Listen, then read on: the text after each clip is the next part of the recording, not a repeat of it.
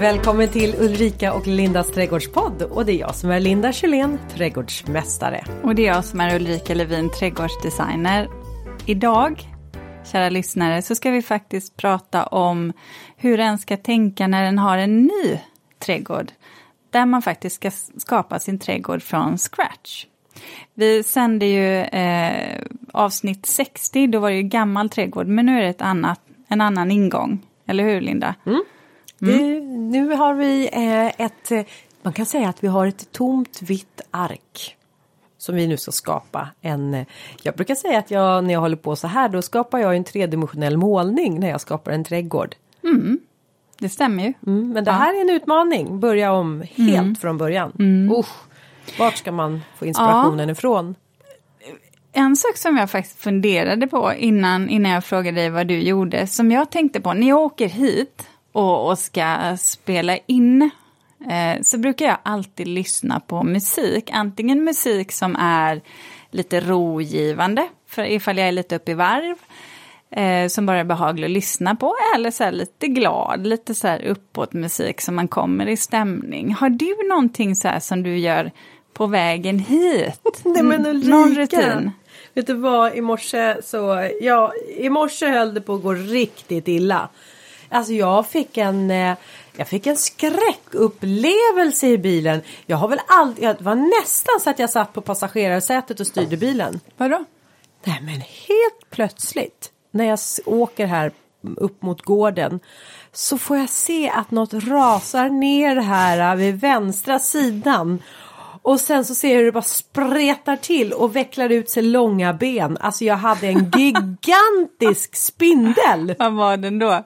Fem millimeter. Ja men i min värld så hade jag uppförstorings, uppförstoringsglasögonen på mig. Alltså jag fick panik, jag skrek, jag, jag vrålade, jag hade konstiga ljud och jag satte mig på mitt den delen av bilen och körde på sniskan, det tur man har automat.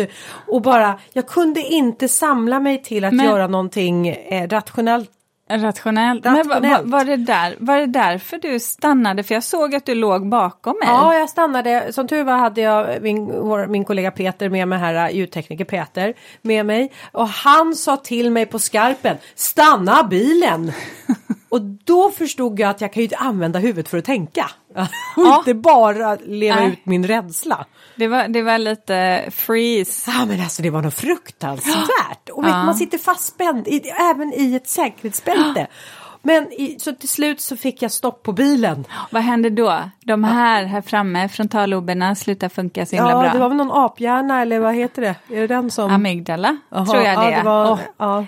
I alla fall så var det, det var det, det var inte min vanliga intelligens jag kopplade på. Nej. Nej, men det slutade bra. Eh, Peter sprang ut, ryckte undan eh, den här spindeln. Det var en människa, en människa var det. Det var en, en man var en person som gick förbi bilen och jag lovar, han trodde att eh, säkert att Peter höll på att ha ihjäl mig för jag vrålade så. och det kom ljud också. Alltså vilka ljud jag kan när jag ser en spindel. Ja men du vet jag hör inte men, att jag är lite alltså, hes. Jag, jag, Jag vet inte vad jag ska säga, för jag tycker du är så rolig. Du, är, löjlig. du är trädgårdsmästare, du ja. är hästägare ja. och du är rädd för, du tycker sniglar jag är äckliga. Fåglar. Du, du bara hatar spindlar, nej, sånt men... som är för geggigt och kläggigt, nej det är Inga sådär. problem med utedass, inga problem. Kanske inte om det här att göra. Men du har ju bakteriefobi också. Ja. Så att jag, ja, ibland, du för, jag blir förbluffad ja, ständigt när jag umgås Vet du vad man säger? Det. Expect the unexpected. Ja, det gjorde inte du i morse. Nej, det gjorde jag verkligen inte. Men nu, det är alltid bra. Då blir man så här energisk. Gör man du så varje igång. gång? Att locka fram en spindel, ja. ja. Ah, Okej, okay. då är du lite uppvärmd i rösten tänker du. Ja, det är jag Jag försökte dricka te det som han... Det är så lockig i håret vet du. Jag tänkte jag skulle köra som han Henrik Ekman som, som pratar, du vet så här, tv kommentator på Världens natur. Han har ju så sjukt ja, trevlig röst. Han dricker ju te, varmt te innan. Det testade jag in, innan. Jag känner inte riktigt att jag fick en basröst. Nej. Nej. Nej. Jag är nog kvar med min... Eh, ja. Jag har hes röst ja. Nej men så jag har, jag har lite spindelfobi. Ja. Det kan jag faktiskt ja. erkänna att jag har lite då. Lite lite, lite. då. Ja, lite. Antar Nej. jag. Så eh, på svar på din fråga så försöker jag bara skapa mycket energi innan jag kommer Ja. in här. Ja. På olika sätt. Ja. Ja. Det vill jag lova. Men du, eh, annars, annars då? Din vecka som har varit, är det full rulle? Nej men det är ganska lugnt och behagligt. Jag har varit på ridweekend. Va? Jaha. Nej, jag, förlåt, jag hakade upp mig vid att du sa att det är lugnt och behagligt, för det kändes inte som att det är det vanliga. Nej. Nej. Men, men det har varit det. Jag hade en lugn förmiddag här roligt med din igår, dotter, nämligen. eller? Ja. Du och din ja, dotter. men exakt. Mm. Ridweekend var, ja, jag och min dotter och våra hästar har åkt iväg ända hela vägen upp till Gävle och där var vi på ridweekend. Åh, vad trevligt. Ja, men så här, och herrejösses, tänk att man, man har eh, fått tid över att göra några sådana bara myspyssaker. Men då kör du. Jag kör hästbuss. Mm. Brum brum. Mm. ja men jag känner mig, det är så himla coolt, eller det är så, ja det känns så redigt att sitta där som busschaufför. Ja. Eh, och ja, man rattar liksom ratten ovanifrån och man tittar ner. Man sitter och ju man så ska kolla himla bussbiljetter. högt. Ja. Tora får inte komma in förrän hon har visat bussbiljetter. Ja. Och så frågar jag mina passagerare hur de mår där bak och då, då står de där inne och Ja. eh, frustar. Och, ja. Ja. Ja. Jag, jag har aldrig kört hästar, jag har kört växter. Ja, det, Det var gör också jag. speciellt. Det, Ja. det gör jag för jämnan i handskfacket höll jag på att säga. Ja, precis. Nej, men då hade jag lite större bil faktiskt. Lastbil. Ja, vad, men, vad, frågade jag vad du haft för dig? Eller var Nej, det gjorde jag du inte. Nej, Förlåt. Ulrika, vad har du haft för dig? Nej, men vet du vad jag bara insett? Eh, så här, eh, nu ska jag göra, jag ska försöka göra en lång historia kort. Jag har ju bara insett att jag har, har eh, ja, men jag har jobbat lite för mycket. Jag har, Igen? Ja, men det, det är liksom... Jag, jag, jag, någonstans så har jag bara insett att jag måste dra ner lite på tempot. Jag ska ta hand lite om min mamma som är sjuk. Och sen så har jag faktiskt också gått och funderat på det här. Och kom, nu kommer du in lite också, men Jaha. du vet det här vi pratade ju om när vi var ute och reste. Mm. Där så konstaterade vi att jag är snabb och du är långsam. Ja, just det. Eller, ja, eller i alla fall, Eller- jag har mycket för mig. Ja. Som gör att jag uppfattas Ja. långsam, Mm. fast egentligen jobbar jag Eller- hela tiden. Ja, och det är ju jag som uppfattar dig som Ja. långsam. Ja. Ja. så är det ju. Och så kom jag på och så tänkte jag så här att ah, jag har gått och lite stört mig på att jag tycker att jag tycker att min man har blivit väldigt långsam på sistone. Ja, han jobbar förmodligen väldigt mycket, men gör massa små saker som inte du märker. Ja, nej men nej, det är mer, mer att han i sina rörelser är långsam. Och, och då, då känner jag så här, för jag, jag rör mig mycket snabbare. Jag, Ja. Ibland kan jag ju halvspringa. Och då inser jag att åh, det är ju faktiskt ett stressbeteende. Att hela tiden vara tvungen att göra saker snabbt, att inte klara av att göra saker långsamt. Och då insåg jag, ja, problemet ligger hos mig. Ja, men Ja. intressant. Det är ju jag som måste jobba Ja. med det där. Det är ju inte så att det Nej. ligger, eller alltid ligger hos alla andra. Sen är man ju olika. Är det därför jag alltid ska göra saker så fort? För att jag är stressad? Ja men faktiskt In, det här. Jag gör dem liksom ja, inte fullt ut, jag bara gör dem fort. Ja, och, det, och, och, och jag kan bara känna så här att det kryper i mig när det går långsamt. Och jag blir, det blir så här ett litet irritationsmoment, vilket är helt galet. För, jag, för sen är det ju så här att jag är nog snabb i min personlighet. Jag gör saker snabbt, jag jobbar så, det har jag alltid gjort ända sedan jag var liten. Effektiv. Ja, ja, ja. Också, kan också vara ett stressbeteende. Aha. Att hela tiden effektivisera har jag också insett.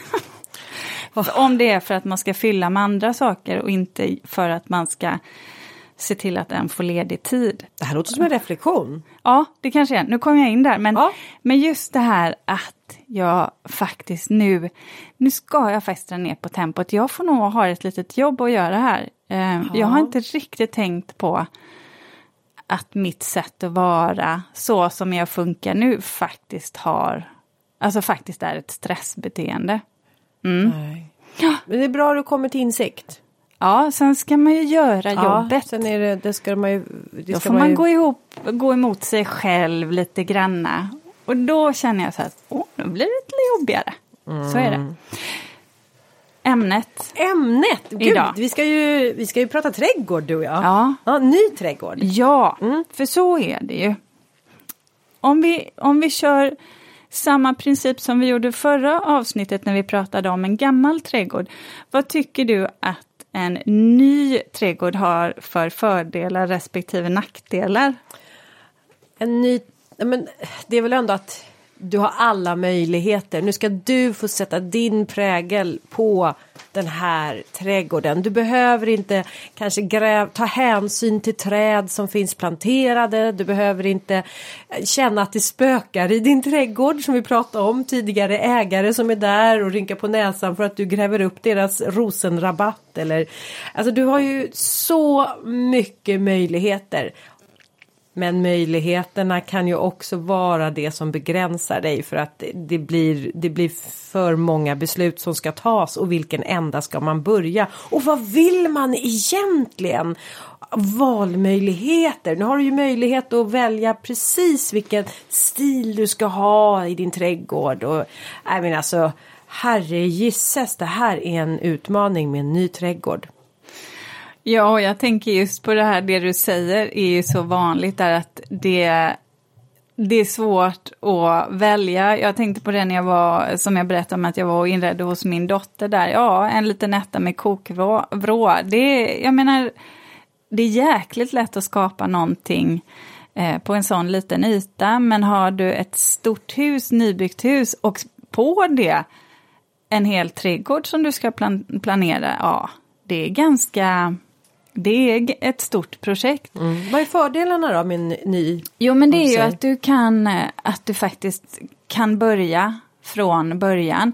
Sen kan jag väl tycka att man kan visst vara lite låst ändå, även fast det är en ny trädgård. För det beror ju lite på vilken typ av trädgård eller hus man bygger på platsen och tomt man har. En del flyttar ju in precis som jag tror du var lite inne på att man kanske har ett nybyggt hus eh, där, där det ligger många tomter och där man bara har planat ut med kross och sen så har man ställt huset på. Eh, men ibland så är det ju så att man kanske har en tomt där man försöker så att säga bevara en del av den naturliga faunan som finns eller miljön och att man ska vara lite varsam där. Det kan ju faktiskt vara en fördel. Och vet du vad jag brukar likna det? Det var när jag kommer ihåg när man satt i skolbänken och sen så på svenskan så skulle man skriva någon uppsats. Och så var det så här, ja men det är två A4 papper som ska skrivas, Varsågoda varsågoda sätt igång. Och man satt där och bara vad ska jag fylla den här A4? Det var en gång, men nej, vad ska jag skriva? Mm. För man hade ingen inspiration någonstans ifrån, utan det var det här klassrummet. Och det, det är, kan jag ju tycka, om man nu kommer in i en trädgård där det finns vissa delar sparade, då har man ändå någonting att utgå ifrån. Börja där! Och sen så brukar det i sin tur leda till, aha, men då kanske jag ska ha de här växterna, ja men det går ju gråskaligt, ja men då kanske jag ska satsa på en, en vit trädgård eller, ja och där helt plötsligt börjar, det är ju ungefär som att man har en knut eh, och så börjar man att nysta upp det här. Eh, att man, så det, där tror jag man bara ska vara tacksam om det finns. Ja, för nackdelen kan ju vara det att man kommer in på en tomt där, där man faktiskt bara har gjort så att man bara har fyllt ut med kross eh, och inte tagit hänsyn till någon växtlighet, eh, kapat allting. Eh, och kanske också eh, faktiskt då om man är i ett område, det vill säga att man har gjort så, det är ett nybyggt område. Ja, du vet, är de som bygger, de byggarna lite oförsiktiga, ja de, de, för att det ska gå snabbt och för att det ska bli billigt, de mejar ju ner allting. Vilket gör att då har man ju inte de här uppvuxna träden, eh, den här uppvuxna grönskan som du kanske har i ett gammalt område. Och det kan ju faktiskt ta ganska lång tid att skapa. För jag tycker att, det är så okänsligt av ja, de som sitter i de där. Man styr ju inte riktigt vad, vad grannarna, en del vill ju faktiskt bara ha en gräsmatta och struntar i att göra mycket mer. Där tycker jag egentligen att kanske nu sticker jag ut hakan kanske, men jag kan nog tycka att eh, kommunerna skulle vara lite hårdare med att reglera eh, ytorna runt omkring faktiskt. Och se till att man sparar lite så att man ändå eh, kan få in de här gröna ytorna. Mm. Ja men det är en viktig del. Jag tänker på om vi, om vi nu ska få en, en bättre biologisk mångfald så måste vi värna om den också. Ja och helt ärligt. Eh, får jag skulle jag få välja att eh, tidpunkt när jag som designer ska komma in så, så skulle jag ju vilja göra det så fort som möjligt. Ibland innan arkitekten har bestämt vad huset ska vara, eller i samråd med arkitekten, eller eh, att man åtminstone innan byggstadiet, att den får komma in. Det går ju att ta in en designer senare naturligtvis.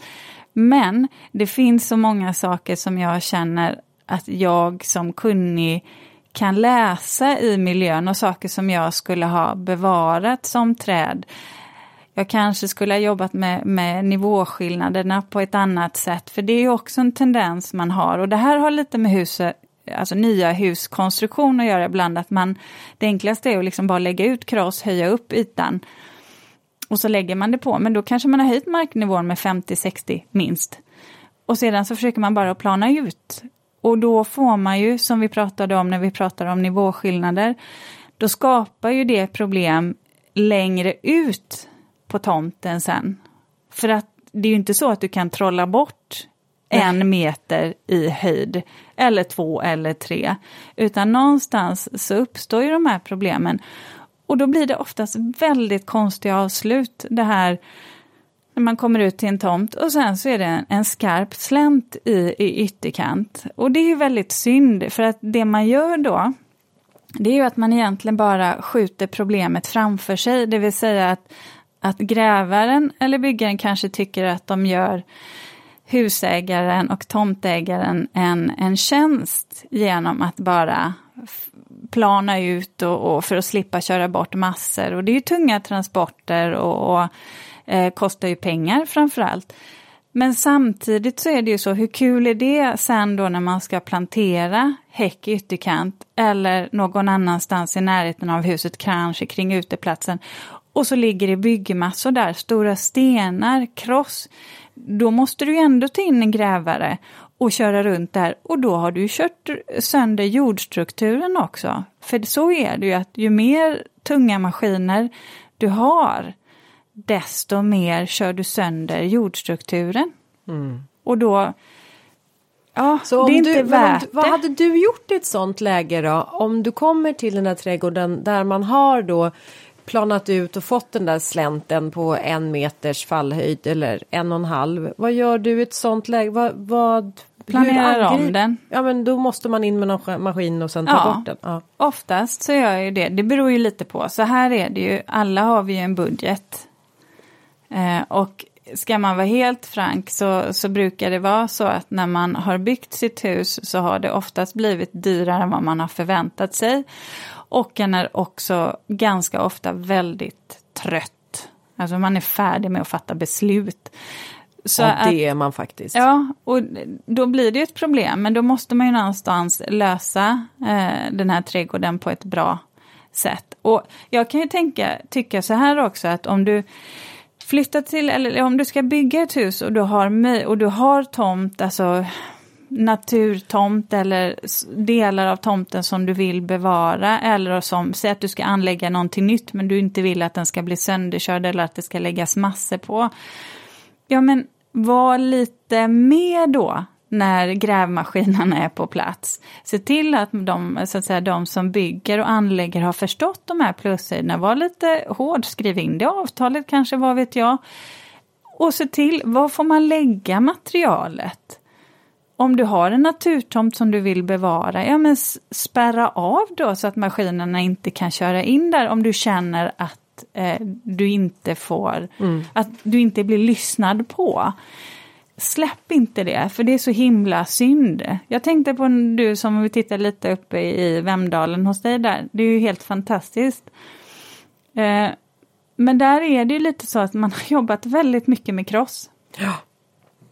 Och det är ju synd för det tar ju det tar många det tar år innan många... naturen tar tillbaks marken. Ja, verkligen. Och där kan jag säga att det jobbet jag har där uppe, där har de faktiskt haft en väldigt lyhörd byggare som har varit försiktig med hur eh, maskinerna har använts. Mm. Så att det är mycket som är bevarat och sen har de skrapat, ut, skrapat av och faktiskt lagt tillbaka. Och jag var lite tveksam om det skulle ta sig men hyfsat ändå.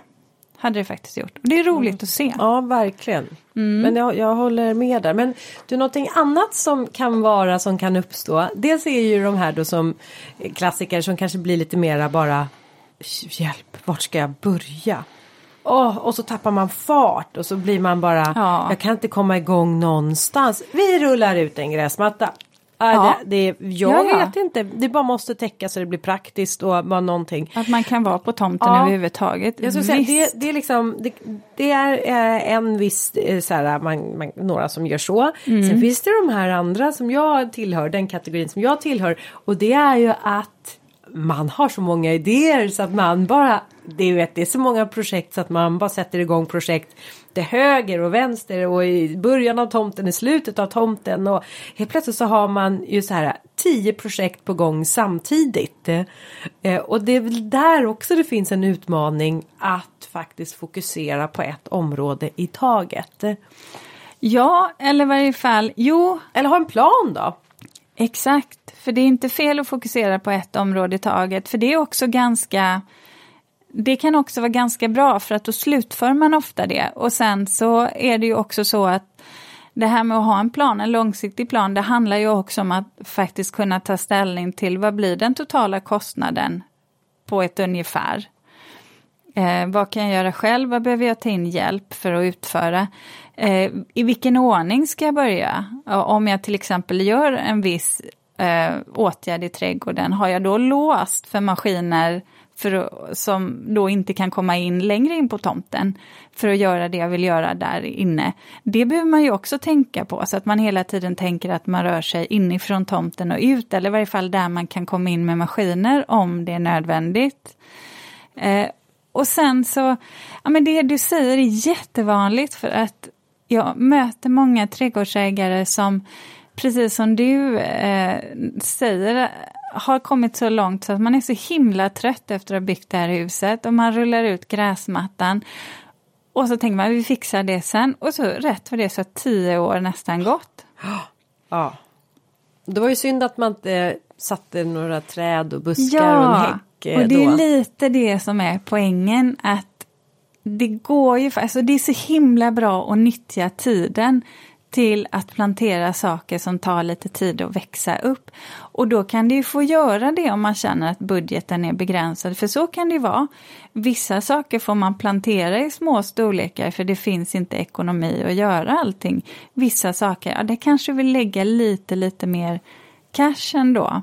Och då blir ju det där viktigt att få ramverket, att få insynsskyddet mm. på plats någonstans. Framförallt om du jobbar med väldigt stora fönster som många nybyggda hus faktiskt har nu. Det är ju helt ljuvligt att kunna ta in naturen, alltså sin trädgård om man har en vacker trädgård och få in den inomhus. Och nästan sitta som ett litet akvarium och, och titta ut. Men, eh, men det kan ju också faktiskt, om man bor nära grannar, bli väldigt mycket insyn. Mm. Och speciellt då vintertid när man har tänt inne och det är mörkt ute redan från klockan två. Då, då har man ju ingen, får man inte vara privat alls där inne. Nej, och sen är det ju lite så här att ögat dras ju till det som rör sig. Ja, rör så, sig och ja. ljust. Så att man, det är likadant om man har utsikt över en trottoar eller någonting sådant där folk ofta går. Man kommer ju oundvikligen själv också titta utåt. Just det. Om det rör sig. Så att det där kan jag tycka är viktigt. Ehm, och kan det vara en fördel då att planera insynsskyddet, att det inte alltid ligger i ytterkant på tomten utan att man bygger upp insynsskydd så i, i etapper. Så att man har också ett som ligger ganska nära eh, till ens eh, stora panoramafönster. Ja, men det tycker jag. Men det är också en, en balansgång mellan att plantera då insynsskydd samtidigt som du vill ha utsikt. Men man kan ju göra både och och det här tror jag att vi var inne på mm. när vi hade, hade avsnitt och vi pratade insynsskydd. Mm. För att säg nu då att du har väldigt stora fönster och du har en uteplats, då kanske du gör ett insynsskydd. Säg, säg att vi jobbar med grönt insynsskydd så vi pratar häck. Då kan man ju låta den vara lite högre initialt. Eh, Och så kan man ju låta den här häcken i ytterkant då växa till sig om man inte kan köpa stora plantor från början. Sen när den där ytterkanten där häcken har tagit sig, ja då kanske man kan klippa den här häcken lite längre eh, alltså in, häcken längre in på tomten, då kanske man kan klippa den på en lägre nivå. Det vill säga att man då skiftar man egentligen höjden på de två olika häckarna och då, då kanske det var, är så att man tar en liten lägre häck så man fortfarande kan se ut, alltså liksom se ut, eller se över ska jag säga, eh, när du står upp, men när du sitter ute på din uteplats så kanske du fortfarande vill vara lite inramad. Mm. Och då kan man ju faktiskt, eh, då gör det ju ingenting att man har som en förlängning nästan av väggen ute i trädgården. För det gör ju trädgården också spännande. Att jobba med olika höjder, olika element, skapa rum. Och det tänkte jag också på Linda. För mig så, så tycker jag att det är viktigt när man har en ny trädgård, det är ändå att fundera lite på det här. En grundstruktur, en stomme, och om vi kallar att trädgården delas upp i rum eller funktioner som jag ofta säger. Jag har ju skrivit en bok som heter Konsten att skapa trädgårdens rum. Ja, ja. så vad, vad, skulle du, i vilken ända skulle du vilja börja? Säg att vi har en plan, för det tror jag att vi är eniga om att man kan inte bara eh, ta, ta ut en funktion utan man måste någonstans se hur alla övergångar mellan de olika rum i trädgården faktiskt blir. Ja men det är ju som när man bygger ett hus så behöver man ju, man börjar ju oftast, alltså det är ju hallen och sen det centrala rummet, köket eh, och sen har vi umgängesrummet, vardagsrummet och däremellan så binds ju de här rummen ihop genom antingen eh, passager inomhus, hallar till exempel som går och så är det öppningar som leds in i de här rummen. Och jag tycker att det är ju precis samma sak man gör med en trädgård. Och där tycker jag ju att gångarna har en viktig funktion.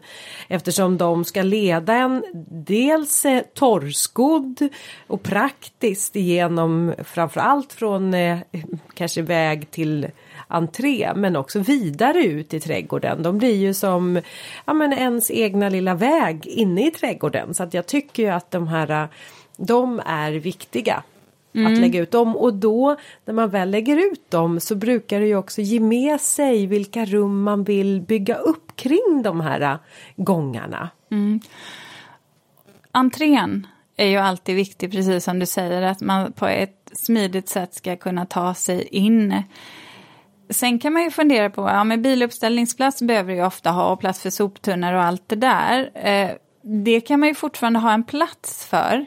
Men frågan är ju så här, känner man att man inte har cash i början, då kanske man kan lägga stenmjöl bara till att börja med. Då är det i alla fall en, en yta. Stenmjöl är ju inte helt fel eftersom Nej. stenmjöl är ju också någonting som eh, går utmärkt och eh, jag menar köra en rullator på mm. eller om man har rullstol eller jag menar barnvagnar. Alltså det, det är väldigt bra. Ja, och övriga gånger då, eh, som om man också känner där att man ändå vill ha strukturen men kanske inte vill lägga sten just då. Man kan ju också lägga trampsteg i det här när vi pratar gångar där man rör sig kring huset mer. Sen kan jag tycka att uteplatsen, att man i alla fall har en uteplats eh, som känns schysst och där man faktiskt inte bara jobbar med det hårda materialet utan man också tänker på vad, hur ska jag få upp min växtlighet, andra strukturer, ljussättning, saker som man tycker är viktiga för att eh, det är ju ändå så att, att kunna vara ute är ju en stor del av att ha ett hus. Och då, den kommer man ju nyttja oavsett både år ett, två, tre, alltså hela tiden medan trädgården då växer till. Så det kan jag tycka är ganska viktigt att man, att man ser till att man får den i ordning. Så man ändå kan njuta av sin trädgård. Mm. Ja men då är vi överens att vi har gången som leder en fram till huset och vidare till uteplatsen. Ja, ja. entrén där. Ja, hel, hela, den, mm. hela det konceptet där så att man har det klart för sig. Annars så är det ju som att bygga ett hus. Man, man börjar ju såklart med ytterväggarna Mm. Och precis på samma sätt gör man i sin trädgård. Man börjar med ytterväggarna och sen skapar man med ja. innerväggar. Ja. Och därefter så tapetserar man ja. och inreder med rabatterna. Ja, och så fördelen med en trädgård är att man kan börja, man behöver inte, om vi pratar ytterväggar, det vill säga insynsskydd i form av häck, ja, de kanske inte kommer upp första året. Eh, men andra saker kanske måste komma på plats för att det ska vara möjligt att vara där. Sen kan jag också tycka att när man då, om man ska tänka på hur man ska resonera kring plan och stil och så här. Eh, jag fick nämligen den frågan i, när jag var med i den andra podden, alltså hur eh, måste en alltid följa den stil som huset har? Inte nödvändigtvis skulle jag vilja säga. Eh, ofta så är det ju så att man har valt en stil på huset för att man eh, gillar den typen av arkitektur. Ett stramt hus, ja då, då kanske man gillar det här strama.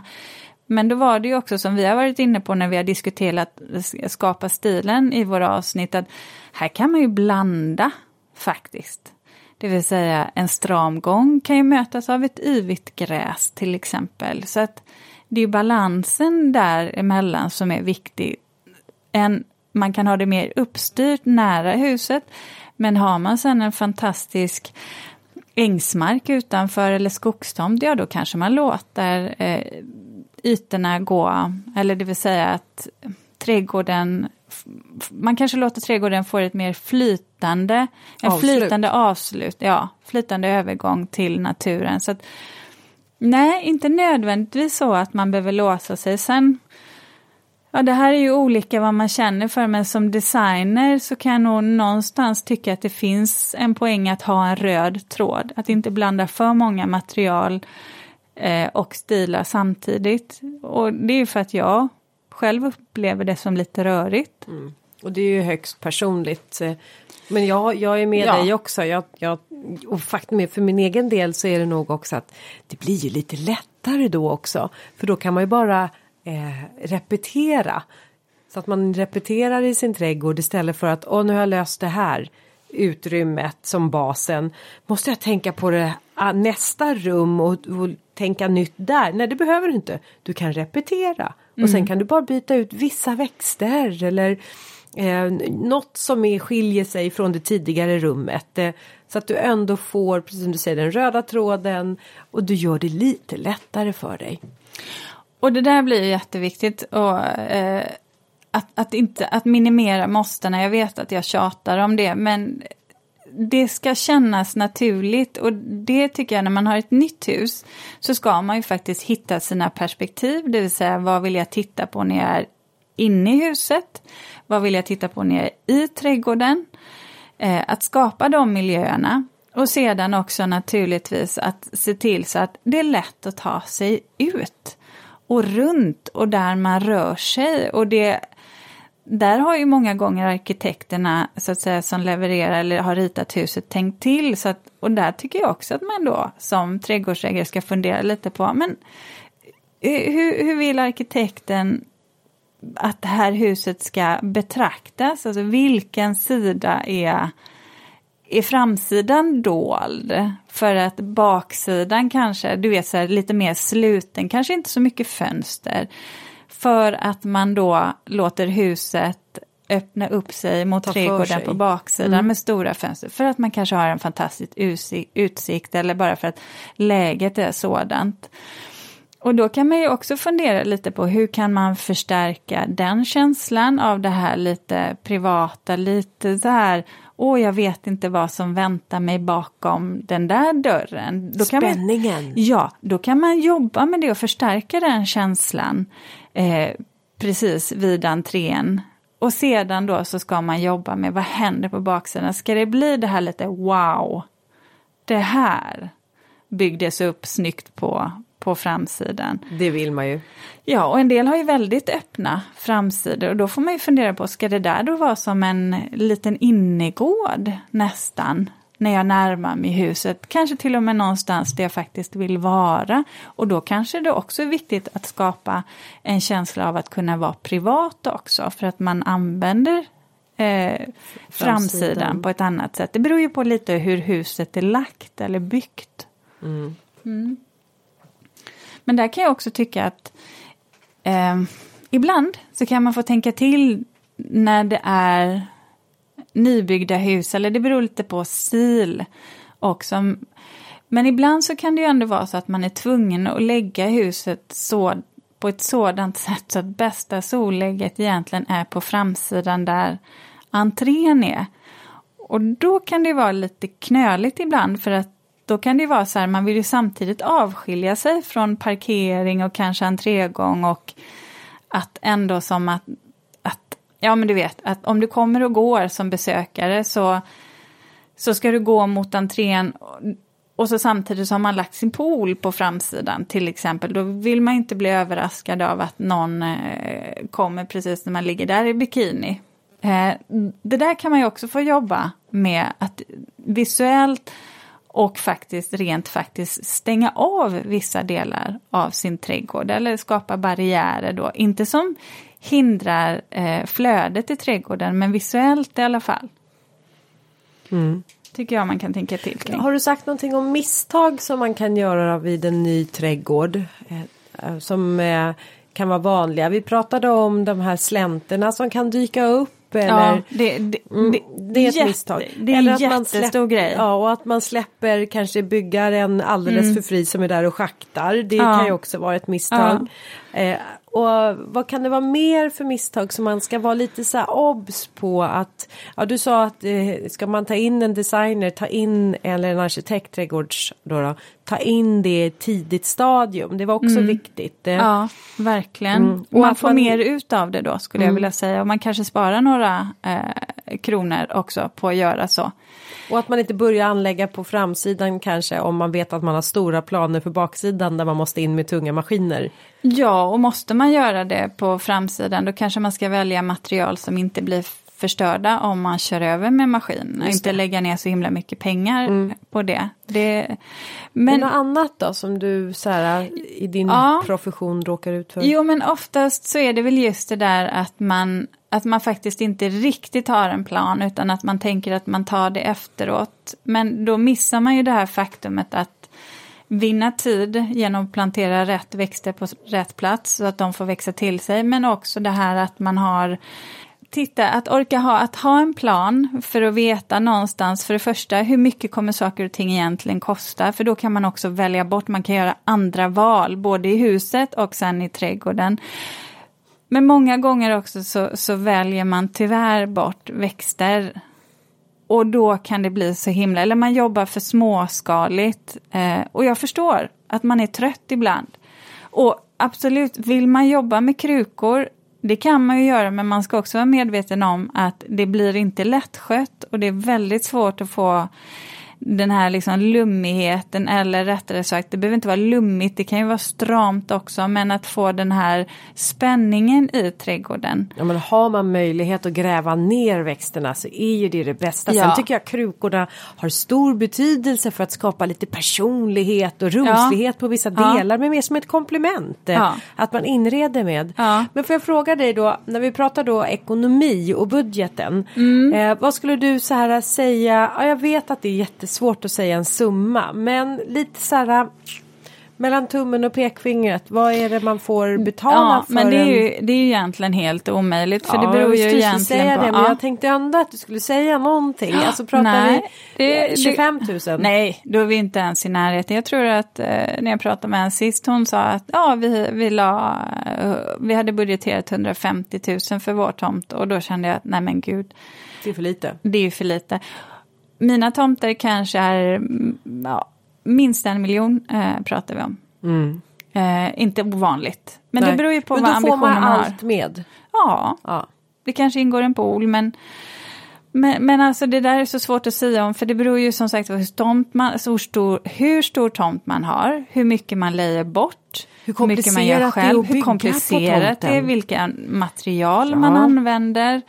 Eh, men de flesta alltså, missbedömer hur mycket jobb det är med att anlägga en trädgård och framförallt när då utemiljön eh, man önskar lite mer av sin utemiljö än man hade gjort tidigare. Men man måste ju ändå tänka så att det skevar ju lite om man kan tänka sig att köpa ett hus för 10 miljoner men inte lägga en krona på tomten. Ja det är det ju. Fast jag menar visst man tänker kanske så när man köper det här huset att man får en tomt att det ingår i det här. Men det, Ja, det kostar liksom, väl någon hundratusen tänker Ah. man och sen så inser man att oj, det, det var lite kanske vad uteplatsen bara gick på. det kommer snart närma sig min reflektion nämligen. Ja, så att det där, och det, det är lite det jag menar att när man bygger ett nytt hus så har man om man är lite noggrann så kan man faktiskt påverka också det här med kostnaden och kanske ha valen. Men man måste or också orka hålla i projektet hela vägen in i mål. Och då får man inkludera trädgården, även om man kanske behöver ta en paus. Så har man den där planen att utgå ifrån. Och så kan är jag det ganska tycka, bra. Ja, och så kan jag tycka att det är bra ändå att ha en, en liten så här hum om vad det kostar och få ordning på en väldigt eh, Alltså en trädgård som du kommer kunna använda och njuta av och som är vacker under hela säsongen, alltså hela åren, alla säsonger, Ja. årstider. Men också då när man då kanske ska leta ett nytt hus, att man vet att jag vill ha en, faktiskt en schysst tomt. Då kanske man får gå ner i pris på huset för att man vill kunna lägga det på tomten. Ja, och framförallt om man då köper ett nytt hus ett helt nytt eh, område och man ser att det bara ligger kross där under och många gånger så ligger det ofta ganska stora sprängstenar. Eh, Det blir en kostnad att eh, köra runt eh, det där på tomten, det ska man inte underskatta. Eh, Vad, tror bra. du är ekonomiskt bäst då? Att eh, skaffa en eh, ny tomt eller en uppvuxen äldre tomt? En uppvuxen äldre tomt skulle jag vilja säga Många gånger så har du ju i alla fall stora, eh, stor potential kanske i växtligheten. Eh, däremot så, så är det ju eh, kanske du åker på att göra om uteplatser och eh, jag menar uppfarter och så så också. Ja, det- det är ju inte alltid så. Det beror ju lite på hur gamla de här är. Vad föredrar du att göra då? Gamla trädgårdar med en liten, en liten uppfräschning utav en så eller, eh, eller renovering utav eller nya trädgårdar? Det går inte att välja. Eh, det är ju lite det som jag tycker är roligt med mitt jobb, att jag får, får faktiskt möjligheten att göra både och. Jag ska rita en helt ny trädgård faktiskt nu i, ja, i Uppfa, Uppsala, Knivsta. Kommer ett nytt hus, det ska bli jättekul. Eh, ja men du vet, jag har många nya tomter, så här lite stramare hus. Men samtidigt stramare hus. Men där de här husägarna faktiskt har helt olika eh, typer av stil och inriktning på vad de tycker om. Så det ska också bli väldigt, väldigt spännande att göra. Så, äh, jag har många roliga projekt, Linda. Oj, oj, oj. Alltså, vi, det var den där boken vi skulle skriva va? Ja, Kanske vi ja har med oss, jädrar. då har vi med oss lite av dina, dina Ja, jag får skriva en sån här synopsis heter det Ja, va? gör det. Ja. Så får vi skicka ut den. Jag skulle ju dra ner lite på tempot. Ja, så det, det får det. vänta lite. Nej, jag Ja, ska, jag nej, ska göra, klara av mina jobb först. Ja, tänker jag. det tycker jag låter som en, en god Mina plan. spännande jobb. Ja. Linda, nu har ju du suttit och varit så nöjd för du, nu sa ju du att du har ju en reflektion den här veckan också. Ja, jag vet. Ja. Jag, är, jag vet inte vad som har hänt, men det måste väl ha att jag har gått ner i tempo i mitt arbete så att jag har tid att reflektera över saker. Ja. Det har lugnat sig på färden för mig och då förstår du, alltså jag blev så glad häromdagen när jag satt och lyssnade på nyheterna.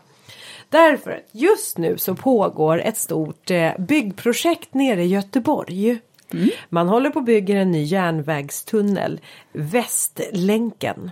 Ja, Okej, du fattar ja. kanske att jag, det- jag tror jag är lite med på... Ja, vart jag komma skall.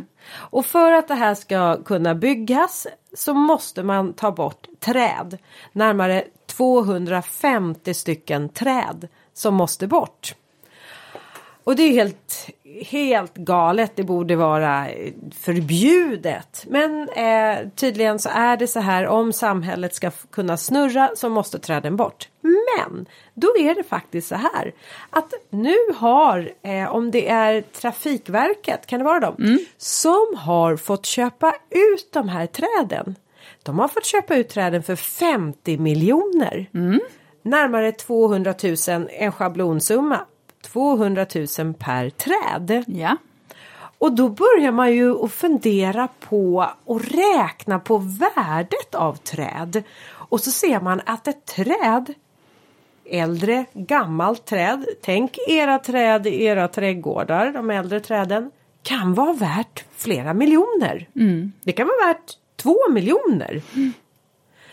Och då tänker man också på att, eh, och anledningen till nu att Trafikverket, om det är de eller trans, jag vet inte vilken Nej, Trafikverket. Mm, eh, går in och gör en sån här, eh, köper ut de här träden för 50 miljoner. Det är därför att det här ska då kompenseras för att de här, vissa av träden ska man också faktiskt återplantera på andra platser. Och det kostar ju såklart pengar hela den här Det är stora maskiner vi ska Mm. göra, men vilket värde vilket att ta tillvara på att det. Ta tillvara på för att nu man förstår ju om man nu ska jämföra det här då med ekosystemtjänster som träden står för. Som vi har pratat om tidigare om Med ekosystem. klimatsmart trädgård, ja. Ja, eh, i det avsnittet. Att de eh, binder kol, eh, att de eh, är temperaturreglerande. Eh, att vi har också en hälsa för oss människor. Vi vistas i skog och de här eh, miljöerna och vi mår bra. Eh, att träd minskar bull, alltså det finns så många värden och även att de är bostäder åt så många vilda djur. Och helt plötsligt så äntligen så värderas träden Ja. till liksom höga summor. Man kan inte bara fälla ett träd och säga att det är inte värt någonting utan Nej. nej. Det där trädet kanske kostar två miljoner. Och det här är någonting som är lite nytt för det här gjorde man inte ens för 20-30 år sedan. Då var träd värderades det typ i noll kronor. Nej, men det har ju alltid varit andra eh, aspekter som har varit mer viktiga, det vill säga vad kostade, alltså, och då är det ju tyvärr så. Och det här har, byggsektorn har ett jätte, jättestort ansvar här och även industrin, att det är ju eh, faktiskt billigare att göra fel och det här utifrån politikerna behöver ju också agera där. Det är ju, ja men snabbt ska det gå. Och då Och kan man ta tänk då- enklast möjliga väg, sen skit, Ja, men, och, och då tänker jag så här om man nu då har eh, ett, man ska bygga då ett hus och så ska man anlägga den här på den här tomten och så släpper man in några då, då som är där med sina maskiner och bara vi kommer inte fram här så vi måste fälla träden. Ja. Då ska ju du, ska vara lite medveten om det som äger tomten att du har ett värde i de här träden. Ett ekonomiskt värde men också som en ekosystemtjänst. Så Mm. det, och det här behöver vi nu upplysa varandra om. Verkligen. Det, Ja, alltså eller hur va? Det var en reflektion Ja. som heter duga. Nej men alltså Verkligen. reflektion, men jag, det här är en nyhet som jag bara det tog här är till ju mig. också, man får ju ändå se det som att träden är ju en stor del, hjälper ju oss väldigt mycket för att också kunna hantera vår miljö på många olika sätt. Så de är oerhört, oerhört viktiga.